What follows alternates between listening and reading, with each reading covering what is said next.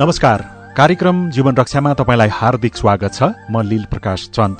कार्यक्रम जीवन रक्षा सामुदायिक सूचना नेटवर्क सीआईएनले उत्पादन तथा प्रसारण गर्दै आएको छ। विशेषत शिक्षा स्वास्थ्य स्वरोजगार त्यसै गरी समसामयिक राजनैतिक अवस्था र परिवेशका बारेमा हामी कार्यक्रम जीवन रक्षामा छलफल गर्ने गर्छौं। सीआईएनले उत्पादन गरेको यो कार्यक्रम देशभरका विभिन्न सामुदायिक रेडियोहरूले आफू अनुकूल हुने गरी प्रसारण गर्दै आएका छन्। आजको कार्यक्रम जीवन रक्षामा हामी नेपालमा स्वरोजगार बढाउनको लागि भइराखेका पहलको बारेमा छलफल गर्दैछौ। नेपाल सरकारका विभिन्न मन्त्रालयहरूले स्वरोजगार बढाउनको लागि र नेपालमै उत्पादन बढाउने गरी विभिन्न कार्यक्रम सञ्चालन गरिराखेका छन्। युवा तथा खेलकुद मन्त्रालय अन्तर्गतको युवा तथा साना व्यवसायी स्वरोजगार कोषले अहिलेसम्म के कति प्रगति गर्यो र यो कोषसँग सहभागी हुन र यहाँ पहुँच राख्नको लागि नागरिकले के के कुरामा ध्यान दिनुपर्छ भन्ने विषयमा आजको कार्यक्रम जीवन रक्षामा छलफल गर्दैछौ। हामीसँग युवा तथा साना व्यवसायी स्वरोजगार कोषका कार्यकारी निर्देशक विश्वमोहन अधिकारी हुनुहुन्छ। यो नेपाल सरकारको पूर्ण स्वामित्वमा रहेको युवा तथा खेलकुद मन्त्रालय अन्तर्गत रहेर देशभरि फाइनेन्सियल अर नन फाइनेन्सियल सर्भिसहरू दिने ती युवाहरू जो निम्न वर्गका मानिन्छ। जोसँग ब्याङ्कसँग पहुँच छैन कोल्याटरहरू उनीहरूसँग छैन अथवा कर्जा लिनको लागि धितो दिने क्यापासिटी उहाँहरूसँग छैन तर उद्यमशीलता छ केही काम गर्न सक्छन्। त्यस्ता व्यक्तिहरूलाई सम्बोधन गर्नको लागि नेपाल सरकारले स्थापित गरेको कोष युवा रोजगार कोष हो।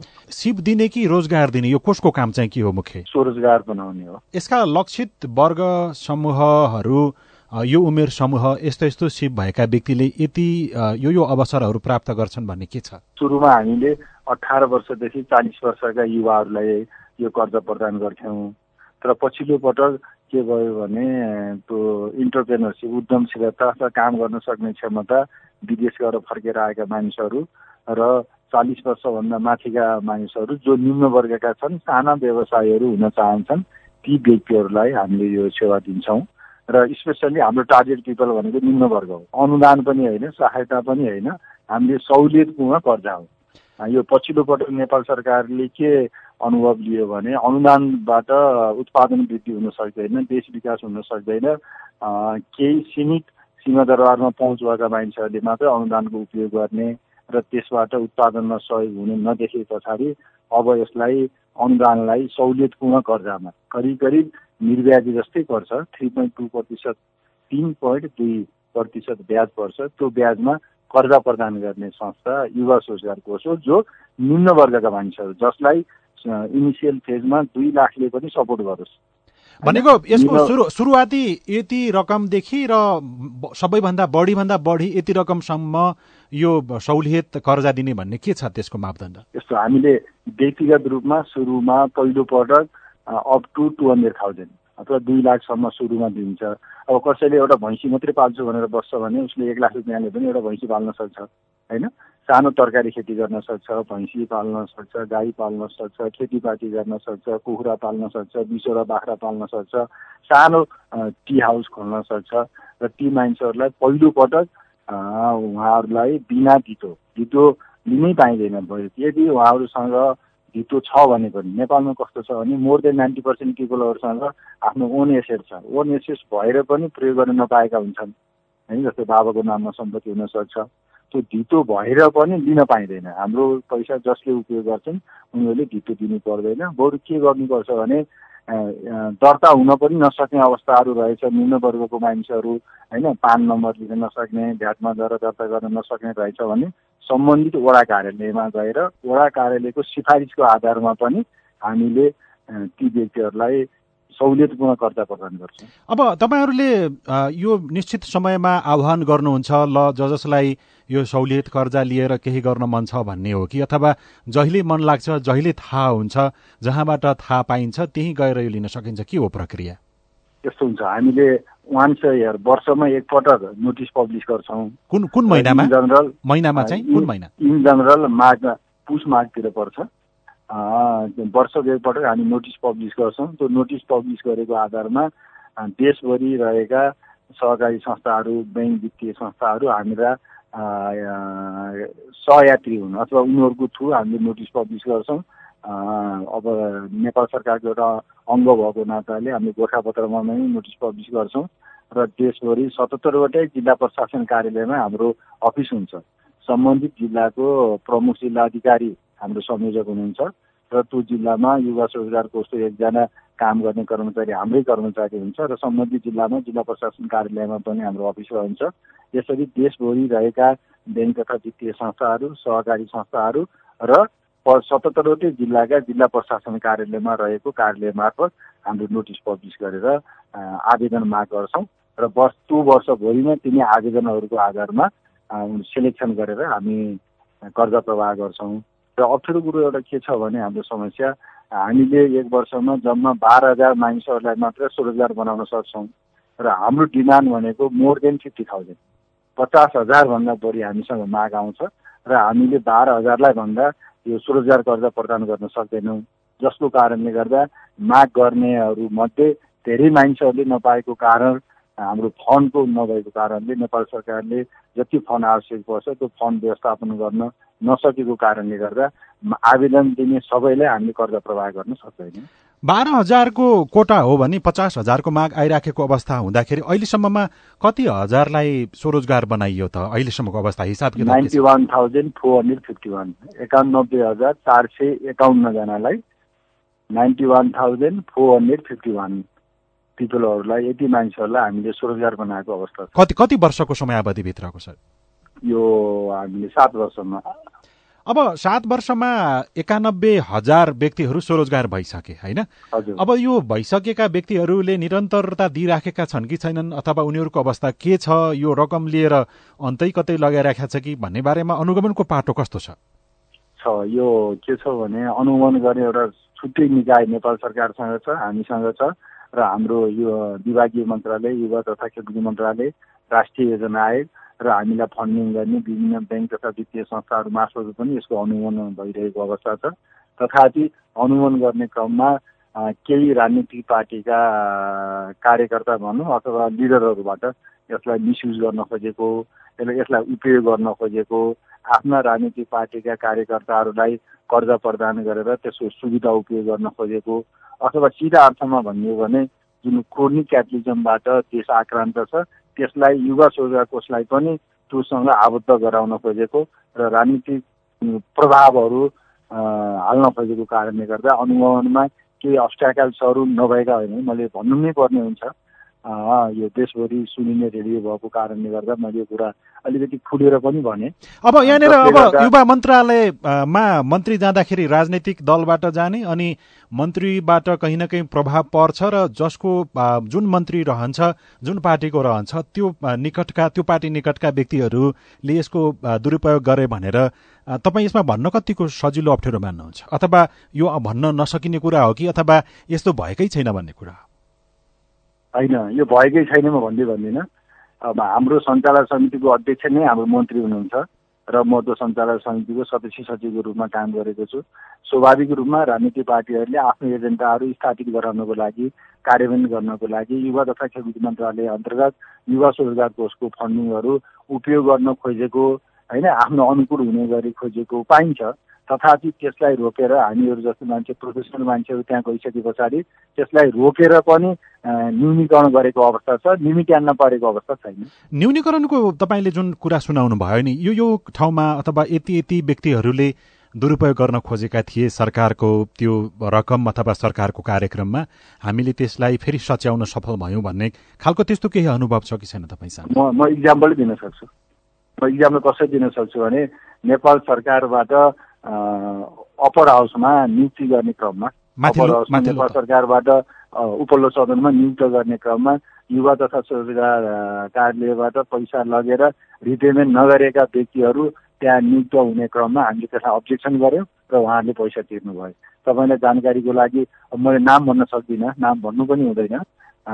एउटा यो उदाहरण छ र अर्को इक्जाम्पल के छ भने यो विगत यही उनासी साल वैशाखको स्थानीय निकायको चुनावको क्रममा ती डिफल्टरहरू हामीबाट पैसा लगे नियमित रूपमा चुक्ता गरेनन् र उहाँहरू स्थानीय निकायमा उम्मेदवारको रूपमा प्रस्तुत गरिरहँदा हामीले त्यो उम्मेदवारीलाई क्वेसन मार्क्समा राख्यौँ र उहाँहरूलाई अब तपाईँले रिपेमेन्ट गर्नु भएन भने हामी निर्वाचन आयोगसम्म जान्छौँ भनिसके पछाडि ती राजनीतिज्ञहरूले पैसा तिरेको उदाहरण छ।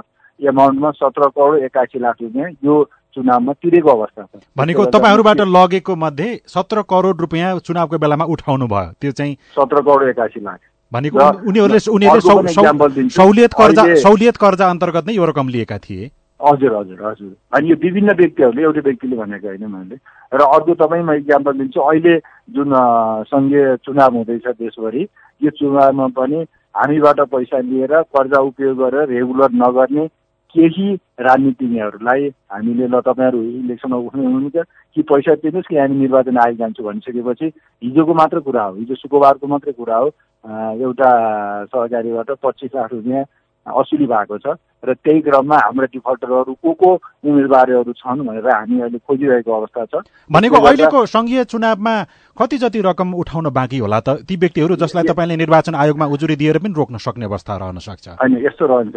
लोकल इलेक्सनमा हाम्रो कस्टमरहरू क्लाइन्टहरू अलिक बढी हुनुहुन्छ होइन?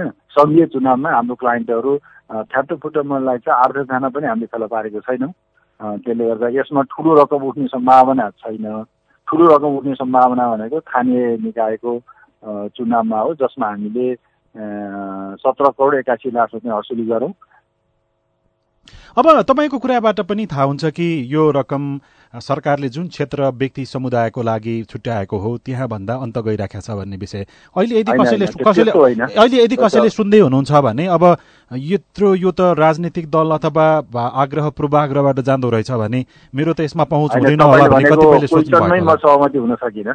कस्तो भने राजनीतिक दलको आग्रह पूर्वाग्रह भन्दा पनि राजनीतिक दलको प्रभावले केही रकमहरू गएको विगतमा देखिन्छ। स्पष्ट भन्नुपर्छ होइन? मैले पच्चिस वर्षसँग ब्याङ्किङ इन्डस्ट्रीमा काम गरेको एउटा एक्सपिरियन्सको आधारमा पनि म के गर्न सक्छु भने नेपालका राजनैतिक पार्टीहरूले जुन देशको स्रोत र साधनहरू छन् ती स्रोत र साधनहरूलाई आफ्नो मान्छेहरूसँग आफ्नो कार्यकर्ताहरूसँग अथवा आफ्नो निकटका मानिसहरूलाई उपयोग गराउनको लागि प्रयास गरेका र केही रकम उपयोग पनि गरेको अवस्था रहेछ। त्यो धेरै रकम छैन पाँच सात प्रतिशत ती रकमहरू छन् जसलाई हामीले आइडेन्टिफाई गरेर उहाँहरूलाई इभन राज्यबाट प्रदान गर्ने सेवा सुविधा पनि दिन नदिइकन ब्ल्याक लिस्टमा राख्ने प्रोसेस गरिसके पछाडि यो आएको छ। र यो युवा रोजगार कोषमा मात्रै होइन तपाईँ ब्याङ्किङ इन्डस्ट्रीमा हेर्नुहोस् होइन सहकारीमा हेर्नुहोस् कहीँ न कहीँ एक लेभलमा डिफल्टरहरू हुन्छन्। ती डिफल्टरलाई हामीले आफ्नो नेटभित्र ल्याएर कारवाही गरेर भयो भने रिकभरी गरेका अवस्था छ। अहिले युवा स्वरोजगारको इतिहासमै युवा स्वरोजगार स्थापना भएको बाह्र तेह्र वर्ष भइसक्यो। पहिलोपटक हामीले उहाँलाई कारवाही गर्नको लागि यो प्रोसेस गरेर ब्ल्याक लिस्टिङ गरेर र निर्वाचनमा पनि अगाडि जान नदिने गरी प्रयास गरेका छौँ अब जुन यो सत्र करोड चौध करोड उठाउन पाएको कुरा सुनाउनु भयो बाँकी अरू अझ अझै उठाउन बाँकी कति छ त्यो कोषसँग के छ? हाम्रो टोटल उन्चालिस करोड रकम हो। उन्चालिस करोडमा सत्र करोड रुपियाँ हामीले असुली गऱ्यौँ र अब नेपाल सरकारको एउटा अङ्ग भए तापनि यसको नेचर हेर्दा फाइनेन्सियल इन्स्टिट्युसन जस्तो छ र यसमा पाँच पर्सेन्टसम्म असुली गर्नुपर्ने रकमलाई फाइनेन्सियल इन्डिकेटरलाई राम्रो मान्छ र हामी पाँच पर्सेन्टभित्र नै छौँ र अर्को कुरा नेपाल सरकारले स्थापित यस्ता विभिन्न कोषहरू छन् जुन कोषहरू लसमा गएर नेपाल सरकारले बन्द गर्ने अथवा सब्सिडी दिने अवस्था छ तर हाम्रो अवस्था कोसो छैन। हामीले करिब पचहत्तर अस्सी करोड रुपियाँ नेपाल सरकारलाई कमाएर रिजर्भ आइन सरप्लसमा राखेर नेपाल सरकारको राजस्वमा जम्मा गरेका छौँ। यसले गर्दा हामीहरूलाई नेपाल सरकारले फन्डेड गरेको छ तर हामीलाई फन्डेड गरेको पैसा नोक्सानमा गएर कोष घाटामा गएर फेरि रिफन्ड गर्नुपर्ने अवस्थाहरू छैन। यो त तपाईँको दाबी भयो त्यसो भए अब आगामी दाबी होइन रियल हो यो त फाइनेन्सियल डेटाले देखाउँछ नि हजुर तर तर अहिले सरकार मातहतका यी कोषहरूको रकम दुरुपयोग भयो भनेर त फाटोफुट्टो त फेरि बेला बेलामा हामीले सुनिराख्नु पर्ने पढिराख्नु पर्ने यसो भयो यसो भयो मैले दुरुपयोग भएका संस्थाहरू छन् गरिब निवारण कोष होइन प्रधानमन्त्री रोजगार कार्यक्रम बिपी विश्वेश्वरसँग गरिब कार्यक्रम यस्ता कार्यक्रम कहीँ व्यक्तिगत कोषहरू कार्यक्रमहरू छन् जो लसमा छन् तर युवा स्वरोजगार कोष लसमा छैन र यसले नेपाल सरकारले दिएको पैसा भन्दा बढी पचहत्तरदेखि अठहत्तर करोड रकमसम्म हामीले अन गरेर नेपाल सरकारको राजस्वमा जम्मा गरेको हामीसँग प्रमाण छ नि। त्यसो भए अरूको भन्दा फरक त्यसो भए तपाईँहरूले त्यो डुब्नबाट जुन जोगाइराखेको स्थिति छ यो चाहिँ कसरी सम्भव भयो त? यसो डुब्नबाट जोगाइराखेको होइन कि हामीले अन गरेको हाम्रो रकम के हुन्छ भने नेपाल सरकारले डाइरेक्ट फन्डिङ हामीले गर्दैन। हामीले लिएको पैसा पनि ब्याजमा लिन्छौँ। नेपालभरि रहेका ब्याङ्क तथा वित्तीय संस्थाहरूले लगानी गर्नुपर्ने जुन रकम छ त्यो रकम ब्याङ्क तथा वित्तीय संस्थाहरूले हामीलाई दिन्छ हामी पब्लिकलाई दिन्छौँ। र अन्य कोषहरूले के गर्छ भने डाइरेक्ट नेपाल सरकारको ढुकुटीको पैसा प्रयोग गर्छ। हामी नेपाल सरकारको ढुकुटीको पैसा प्रयोग गर्दैनौँ। नेपाल सरकारले एउटा व्यवस्थापन गरिदिन्छ। ब्याङ्कहरूले नेपाल राष्ट्र ब्याङ्क मार्फत हामीलाई पैसा दिन्छ। Three point five percent. साढे तिन प्रतिशतमा हामीले पैसा लिन्छौँ र चार प्रतिशतमा हामीले लगानी गर्छौँ। त्यसले गर्दा हाम्रो रिसोर्स मोबिलाइजेसनको मोडालिटी नै फरक भएको कारणले गर्दा र नेपाल सरकारको डाइरेक्ट ढुकुटीबाट जम्मा नभएको कारणले गर्दा हामीले यो पैसालाई लस हुनबाट जोगाउन सकेका छौँ। त्यसो भए अब यदि कोही व्यक्तिले तपाईँको कुराकानी सुन्दै गर्दाखेरि तपाईँ कोषमा सम्पर्क गर्न चाहनुभयो अथवा म केही गर्न चाहन्छु भन्ने त्यस्तो चाहना व्यक्त गर्नुभयो भने पुष मङ्सिर नै कुर्ने हो कि त्योभन्दा अरू समयमा पनि केही तपाईँहरू सहयोग गर्न सक्नुहुन्छ? त्यस्तो छ। हाम्रो जुन क्यापासिटी छ नि मैले अगाडि नै भने विगतको आर्थिक वर्ष र चालु आर्थिक वर्षमा नेपाल सरकारले एक वर्षमा बाह्र हजारलाई स्वरोजगार सिर्जना गर्नको लागि हामीलाई जिम्मेवारी दिएको छ। र गत वर्ष हामीले मागमा नोटिस पब्लिस गऱ्यौँ। त्यो सूचना प्रकाशित गरिसके पछाडि यो वर्षभरिलाई पुग्ने गरी हामीले नोटिस लिएका छौँ र उहाँहरूलाई नै प्रोसेस गरेका छौँ। र अब लिन चाहने व्यक्तिहरूले फेरि पुस अथवा माघमा पुग्नुपर्ने हुन्छ। र मागमा नोटिस पब्लिस गरिसके पछाडि उहाँले एप्लाई गरेर सिधै युवा तथा खेलकुद मन्त्रालय अन्तर्गत रहेको युवा स्वरोजगार कोष युवा स्वरोजगार कोषको पैसा लिई उपयोग गर्ने ब्याङ्क तथा वित्तीय संस्थाहरू र दुई हजारभन्दा बढी सहकारी संस्थाहरू र सतहत्तरवटै जिल्लाका जिल्ला प्रशासन कार्यालयमा सम्पर्क गरेर युवा स्वरोजगार कोषको पैसा लिई स्वरोजगार सिर्जना गर्न सकिन्छ। अब यो कोषको रकम लिनको लागि फेरि यो जुन सहकारी तथा अरू विभिन्न क्षेत्र अथवा विभिन्न सङ्घ सङ्गठन मार्फत अथवा त्यस मार्फत आउनुपर्ने कारण किन? किनभने बिचमा फेरि कोही व्यक्ति अथवा संस्थाको त्यहाँ सहभागिता हुने बित्तिकै नागरिकहरू ठगिने सम्भावना हुन्छ कि मैले बुझेँ।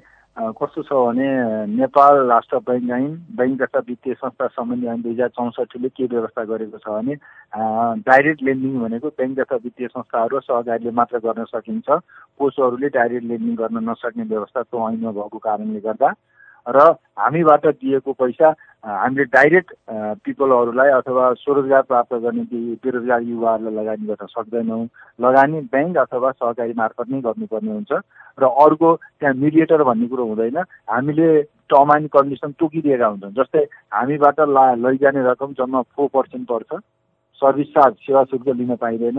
इन्सुरेन्स नेपाल सरकारले हामी मार्फत तिरिदिन्छ र त्यहाँ जति टर्म एन्ड कन्डिसनहरू हुन्छन् सबै टर्म एन्ड कन्डिसनहरू अलरेडी डिफाइन भएको कारणले गर्दा आइदर ब्याङ्क तथा वित्तीय संस्था अर लघु वित्त संस्था अर कोअपरेटिभ सहकारी मार्फत लगानी गरे पनि एउटै टर्म एन्ड कन्डिसन हो। भनेको तपाईँले जुन पछिल्लो समयमा सुनाउनु भयो नि यो यो केही बिमाको कुरा सबै तपाईँहरू आफैले गर्नुपर्ने र केही निश्चित मापदण्डहरू तोकिएको छ। त्यो मापदण्ड अनुसार अब यदि सहकारीहरूले अथवा लघुवित्तहरूले काम गरिराखेका छन् कि छैनन् भनेर कसैले हेर्ने चाहिँ फेरि हेर्छ कि हेर्दैन? छ छ। सम्बन्धित जिल्लाको जिल्ला प्रशासन कार्यालयमा रहने सिडिओ मार्फत डाइरेक्ट अवलोकन हुन्छ। हामी पनि त्यसको अवलोकन गरेका हुन्छौँ अनुगमन गरेका हुन्छौँ र केही सहकारी संस्थाहरूले ब्याज दरमा तलमाथि गरेको फेला पारेर हामी उहाँहरूबाट रकम फिर्ता गरेर सहकारीहरूलाई कारवाही गरेको अवस्था समेत छ। ब्याङ्क तथा वित्तीय संस्थाहरूबाट हामीले दिएको टर्म एन्ड कन्डिसनमा अलिकति तलमाथि गरेको अवस्था देखिँदैन र सहकारीमा केही सहकारीहरूले गर्न खोजेको र त्यसलाई हामीले कारवाही गरेको अवस्था छ। त्यसो भए सहकारीहरूबाट सबै होइन केही निश्चित सहकारीबाट त्यस्तो बदमासी भएको छ भने फेरि अरूले पनि सिक्दै जाने र समग्र सहकारी क्षेत्रबाटै नागरिकहरू उपभोक्ताहरू अथवा लाभग्राहीहरू ठगिने सम्भावना रहन्छ कि रहँदैन? अथवा यसमा तपाईँहरू कतिको सचेत रहनु भएको छ? यस्तो छ। हामीले यो सहकारीलाई नियमन गर्ने संस्थाहरू सहकारी विभाग र सम्बन्धित जिल्लाका जिल्ला सहकारी सङ्घहरूलाई परिपत्र गरेर केही पाँच सातवटा सहकारीलाई हामीसँग बाइस सयभन्दा बढी सहकारीहरूसँग हामीले कारोबार गरेका छौँ र पाँच सातवटा सहकारीलाई मात्र हामीले कारवाही गरेको अवस्था छ। कस्तो छ भने कुनै पनि इन्डस्ट्रीमा केही बदमासीहरू केही कमी कमजोरीहरू देखिन्छन्। तथापि यो फाइनेन्सियल इन्डस्ट्री अथवा ब्याङ्किङ इन्डस्ट्री र स्वरोजगार सिर्जना गर्नको लागि रोजगार को बापत लगानी गरिरहँदा केही बदमासीहरू केही कमी कमजोरीहरू हामीले देखेर त्यसलाई न्यूनीकरण गर्न लागेको अवस्था छ र सहकारीहरूलाई पनि त्यही अनुरूप कारवाही गरेको अवस्था छ। तपाईँले जुन यो बाह्र हजार हरेक वर्ष भन्नुभयो नि त्यो भनेको सतहत्तरै जिल्ला नछुट्ने गरी हुन्छ कि? अथवा जता जता मापदण्ड मिल्छ त्यतिका युवाहरू यसमा सहभागी हुन पाउने हो? होइन सतहत्तरै जिल्लाबाट सहभागी हुन सक्छन् तर अहिलेसम्म हामीले देशमा सतहत्तरवटै जिल्लामध्ये मनाङ र मुस्ताङ बाहेक पचहत्तरवटा जिल्लामा हामीले कर्जा लगानी गरेका छौँ। र मनाङ र अहिले यो युवा स्वरोजगार कोषको सञ्चालक समितिको अध्यक्ष जुन मन्त्री हुनुहुन्छ युवा तथा खेलकुद मन्त्री आइसके पछाडि र म पनि एक वर्ष मात्र भयो यहाँ आएको म आइसके पछाडि वाइनट मनाङ र मुस्ताङ भनेर हामी मनाङ र मुस्ताङसम्म पनि गयौँ र त्यसमा पनि कर्जा लगानी गर्ने प्रक्रियामा छ। तथापि अहिलेसम्म लगानी गरिसकेको अवस्था छैन। मनाङ मनाङ र मुस्ताङका व्यक्तिहरू यो कार्यक्रममा सहभागी नहुनुको कारण के के रहेछ त? एउटा अवेरनेस हो एउटा फाइनेन्सियल अवेरनेसहरू नभएको जनचेतना जनचेतनाको अभाव। जनचेतनाको अभाव पनि छ र त्यहाँ पिपलहरू अथवा पपुलेसनहरू एकदमै थोरै छ जानको लागि दुर्गम एरिया छ। कहाँसम्म छ भने म ब्याङ्किङ इन्डस्ट्रीमा हुँदा मनाङमा मैले स्थापना गरेको शाखामा जुन कर्मचारी थियो ऊ कर्मचारीलाई भनेर पनि म ब्याङ्क छोडिसकेर नेपाल सरकारमा आइसक्दा पनि ऊ कर्मचारीलाई भनेर कर्जा लगानी गर्ने प्रोसेसमा हामी थियौँ। तथापि फेरि अब यो लगानी खाने निकाय र तुरुन्त यो राजनीतिक कारणले गर्दा त्यहाँ कर्मचारी नियुक्त गरेर अगाडि जान सकेको छैन। मलाई लाग्छ हामी यो विन्टर पछाडि अब फेरि त्यहाँ हिउँले गर्दा काम गर्न नसक्ने जान नसक्ने अवस्था छ। विन्टर पछाडि हामी कर्मचारी एपोइन्टमेन्ट गरेर काम गर्न सक्छौँ र सतहत्तरै जिल्लामा युवा स्वरोजगार जस्ता कार्यक्रमहरू सञ्चालन गर्न सक्छौँ भन्ने मेरो विश्वास हो। भनेपछि यो जिल्ला हरेक जिल्लामा यति यति सङ्ख्यामा दिने भन्ने त्यस्तो कोटा प्रणाली छैन? कोटा छैन। हामी सकेसम्म सबै जिल्लामा यो युवा स्वरोजगार कोषको कर्जा लगानी गर्ने प्रक्रियामा छौँ गरिरहेको अवस्थामा पनि छौँ र केही अलि बढी पहुँच हुने युवावर्गहरू अलि अवेरनेस हुने होइन जहाँ उद्यमशीलता अलिक बढी छ त्यस्तो ठाउँहरूबाट अथवा सहर केन्द्रित जुन जिल्लामा अलिक बढी सहरहरू छ त्यस सहरहरूमा बढी युवाहरू आएको अवस्था छ। र एउटा नयाँ कुरो मैले नसोचेको एउटा कुरो के देखियो भने गरिबी मैले गाउँमा मात्रै छ भन्ने सोच्थेँ र अहिले पछिल्लो पटक यहाँ आइसके पछाडि सहरी क्षेत्रको गरिबी देख्दाखेरि मलाई त लाग्छ गाउँमा भन्दा सहरी क्षेत्रको गरिबी अझ दर्दनाक रहेछ भन्ने अनुभव छ। त्यसलाई पनि सम्बोधन गर्न खोजेका छौँ हामीले। यो सहरी क्षेत्रको गरिबी भनेको सहरमै बसोबास गर्ने एक प्रकारको हो कि अथवा बाहिरबाट आएर सहरबाट सुविधा लिन खोज्नेहरूको कुरा हो यो? होइन यस्तो छ। त्यो mostly they are from village अथवा माइग्रेटेड पिपलहरू नै हो तिनीहरू। भनेको बसाइ बसाइसराई गरेर सहर आएका। तर यहाँ आइसके पछाडि उचित किसिमको काम गर्ने सुविधा नपाउने होइन बाबा मम्मीहरूको त्यही किसिमको व्यवस्था उहाँहरूले पढ्न इन्ट्रेस्ट गर्ने पढ्न नपाउने खर्च जोड्न नसक्ने ह्यान्ड टु मार्क्स प्रोब्लम नै बढी समस्यामा परेका मानिसहरू जसको घर छैन होइन भाडामा बस्नुपर्ने र भाडा तिर्न पनि नसक्ने यो अवस्थाका गरिबी सहरिया गरिब यो मानिसहरू पनि धेरै छन् जसलाई हामीले अब स्वरोजगार बनाउनको लागि उहाँहरूलाई केही काम गर्नको लागि सपोर्ट गर्नको लागि अहिले अप्ठ्यारो छ। गाउँमा कसैको पनि बायोडाटा दिन सकिन्छ होइन उसको इन्फर्मेसनहरू पाउन सकिन्छ। तर सहरिया गरिबहरूको बायोडाटा अथवा फाइनेन्सियल इन्फर्मेसनहरू डकुमेन्टहरू गराउन नसकिने अवस्था। तपाईँहरूबाट यदि सहुलियत रूपमा त्यो कर्जा लियो भने यति वर्षसम्म त्यो व्यवसाय अथवा स्वरोजगारको काममा आत्मनिर्भरको त्यो अभियानमा लागिरहनु पर्ने भन्ने हुन्छ कि? अथवा निश्चित समय पुरा गरिसकेपछि उनीहरू आफ्नो ढङ्गबाट अगाडि बढ्न सक्छन्। पाँच वर्ष हामीहरू उहाँहरू हाम्रो डाइरेक्ट अनुगमनमा हुनुहुन्छ। पाँच वर्षसम्म उहाँले गरेका प्रत्येक एक्टिभिटिजहरू हामीलाई रिपोर्टिङ गर्नुपर्ने हुन्छ र हामीले अनुगमन गर्छौँ र पाँच वर्ष पछाडि उनीहरूले अब उहाँहरू स्वतन्त्र रूपमा काम गर्न सक्नुहुन्छ र हाम्रो लोन पनि रिपेमेन्ट गरिसक्नु भएको हुनाले पाँच वर्ष पछाडि उहाँहरूसँग हामीले रिलेसन मेन्टेन गरेको अवस्था छैन। विदिन फाइभ इयर उहाँहरूसँग सँगै हुन्छौँ हामीहरू। पाँच वर्षभित्रमा जुन उठाउनु पर्ने रकम उठाउनको लागि केही समस्या भएको र थप केही त्यस्तो व्यवस्थामा सच्याउन लागेको अथवा त्यस्तो आवश्यकता महसुस गरेको केही छ कि छैन? यस्तो छ। अब नेपाल सरकारले ती बेरोजगार युवालाई स्वरोजगार हुनको लागि जुन फन्डिङ गरेको छ र अहिले हामीले सुरुमा दुई लाख रुपियाँ मात्रै दिन्छौँ र जसलाई हामीले नेपाल सरकारसँग म आफै अर्थमन्त्री अर्थ सचिवसँग गएर छलफल पनि गरेको अवस्था छ र यो दुई लाखलाई चेन्ज गरेर पाँच लाख रुपियाँसम्म पुर्याउँ भनेर हाम्रो विनियावलीमा हामीले परिवर्तन गऱ्यौँ।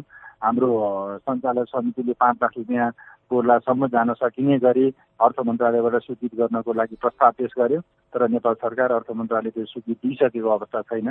जसले गर्दा हामीले स्वरोजगार सिर्जना गर्नको लागि दुई लाख रुपियाँ थोरै गए पाँच लाख रुपियाँ पुर्याउँ भन्ने अभियानमा त्यो सफल हुन सकिएको अवस्था छैन। एउटा अर्को हाम्रो च्यालेन्ज के छ भने जुन फन्ड बेस प्रोग्रामहरू छ फन्ड बेस प्रोग्रामहरू देशमा प्रत्येक वर्ष पचास हजारभन्दा बढी बेरोजगार युवाहरूले युवा स्वरोजगार कोषबाट कर्जा लिइकन स्वरोजगार हुन चाहन्छन्। तर हामीले फन्डको अभावको कारणले गर्दा बाह्र हजारलाई भन्दा बढीलाई सम्बोधन गर्न सक्दैनौँ। यो सबैभन्दा ठुलो चुनौतीको रूपमा यो रहेको छ। पचास हजारको सङ्ख्यामा माग भइराखेको तर तपाईँहरूले वार्षिक बाह्र हजारभन्दा बढी दिन नसकिराखेको अवस्थामा सरकारले नेपालमै स्वरोजगारको अभियान चलाउँछु भनेर बजेटदेखि नेताहरूको भाषणमा पनि यो कुरा सुनिन्छ।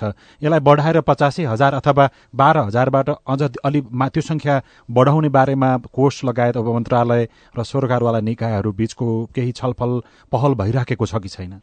यसमा छलफल भएको छ। राष्ट्रिय योजना आयोग युवा तथा खेलकुद मन्त्रालय युवा स्वरोजगार कोष मिलेर प्रस्ताव पेश गरेर हामी पेश गरेका छौँ। छलफल भएको छ निर्णय भएको छैन फन्डिङ भएको छैन। राजनीतिक कुराहरू छिटो निर्णय हुन्छ। हाम्रो ब्युरोक्राटहरूले हाम्रो पोलिटिसियनहरूले राजनीतिक कुराहरू छिटो निर्णय गर्नुहुन्छ। तर आर्थिक नीतिमा मलाई त लाग्छ फाइनेन्सियल लिट्रेसी हाम्रो पोलिटिसियनहरूलाई हाम्रो उच्च तहको ब्युरोक्राटहरूलाई फाइनेन्सियल लिट्रेसी पनि आवश्यक छ भन्ने लाग्छ। आर्थिक जनचेतना म यो पोलिटिसियनसँग मात्रै भन्दिनँ। हाम्रो उच्च तहको ब्युरोक्राटहरू जो हाम्रो लेभलमा सचिवहरूसम्म हुनुहुन्छ हामीहरू सहसचिव लेभलकोहरू हुन्छौँ अथवा जसले यो फाइनेन्सियल कुराहरू हेर्छौँ उहाँहरूसँग फाइनेन्सियल लिट्रेसी जुन रूपमा हुनुपर्ने त्यो रूपमा मैले पाएको छैन। हाम्रो पोलिटिसियनहरूसँग पनि त्यो लेभलको फाइनेन्सियल लिट्रेसी पाएको छैन। जसको इम्प्याक्ट कुन लेभलमा पर्छ भन्ने कुराहरू उहाँहरूले नबुझिदिएको कारणले गर्दा विगत एक वर्षबाट कम्तीमा पनि युवा स्वरोजगार कोषले एक वर्षमा एक लाख मानिसहरूलाई स्वरोजगार बनाउन सक्छ फन्डिङ गरिदिनुहोस् भनेर प्रत्येक मन्त्रालयमा इभन सम्मान इन्जिनियरको अफि कार्यालयमा इभन पूर्व सम्मान इन्जिनियरको कार्यालयमा म पुगेको छु। कहिले पनि उहाँ नो न हुन्छ राम्रो कुरा लिएर आउनुभयो गरौँ भन्नुहुन्छ र निर्णय गर्ने बेलामा उहाँले गर्न सक्नुहुन्न। कहाँबाट कसरी लाग्नुहुन्छ यो हाम्रो राजनीतिज्ञहरूको उपल्लो दर्जा ब्युरोक्राटहरूको विडम्बना हो। यो यो कारण भनेको के हो भने फाइनेन्सियल लिट्रेसी अथवा यसको इम्प्याक्ट युवाहरूलाई यहीँ देशमै राख्न सकिएन भने त्यसको इम्प्याक्ट कहाँ पुग्छ भने नबुझेको हो कि अथवा बुझी बुझी यो गर्न नसकेको हो यो कुरामा म अनुभूति हुन्छ। समय दिनुभयो कुराकानीको लागि यहाँलाई धेरै धेरै धन्यवाद छ। युवा स्वरोजगार कोषसँग रिलेटेड केही कुराहरू देशभरि छरिएर रहेका हाम्रा बेरोजगार युवाहरूलाई सुनाउने मौका दिनुभयो र मेरा केही कुराहरू राख्ने मौका दिनुभयो यसको लागि तपाईँ र त यो रेडियो परिवारप्रति आभार व्यक्त गर्न चाहन्छु। धन्यवाद नमस्कार। आजको कार्यक्रम जीवन रक्षामा नेपालमा रहेका युवाहरूलाई कसरी रोजगार बनाउने भन्ने विषयमा युवा तथा साना व्यवसायी स्वरोजगार कोषका कार्यकारी निर्देशक विश्वमोहन अधिकारीसँग कुराकानी गर्यौं उहाँसँग गरिएको कुराकानी सँगसँगै कार्यक्रम जीवन रक्षाको समय सकिएको छ र अर्को अङ्कमा फेरि हामी अर्को विषयको छलफल र सामग्री लिएर उपस्थित हुनेछौ। तबसम्मको लागि प्रविधिमा साथ दिने सुनिल राज भारतलाई धेरै धन्यवाद दिँदै लील प्रकाश चन्दलाई पनि बिदा दिनुहोस्। नमस्कार।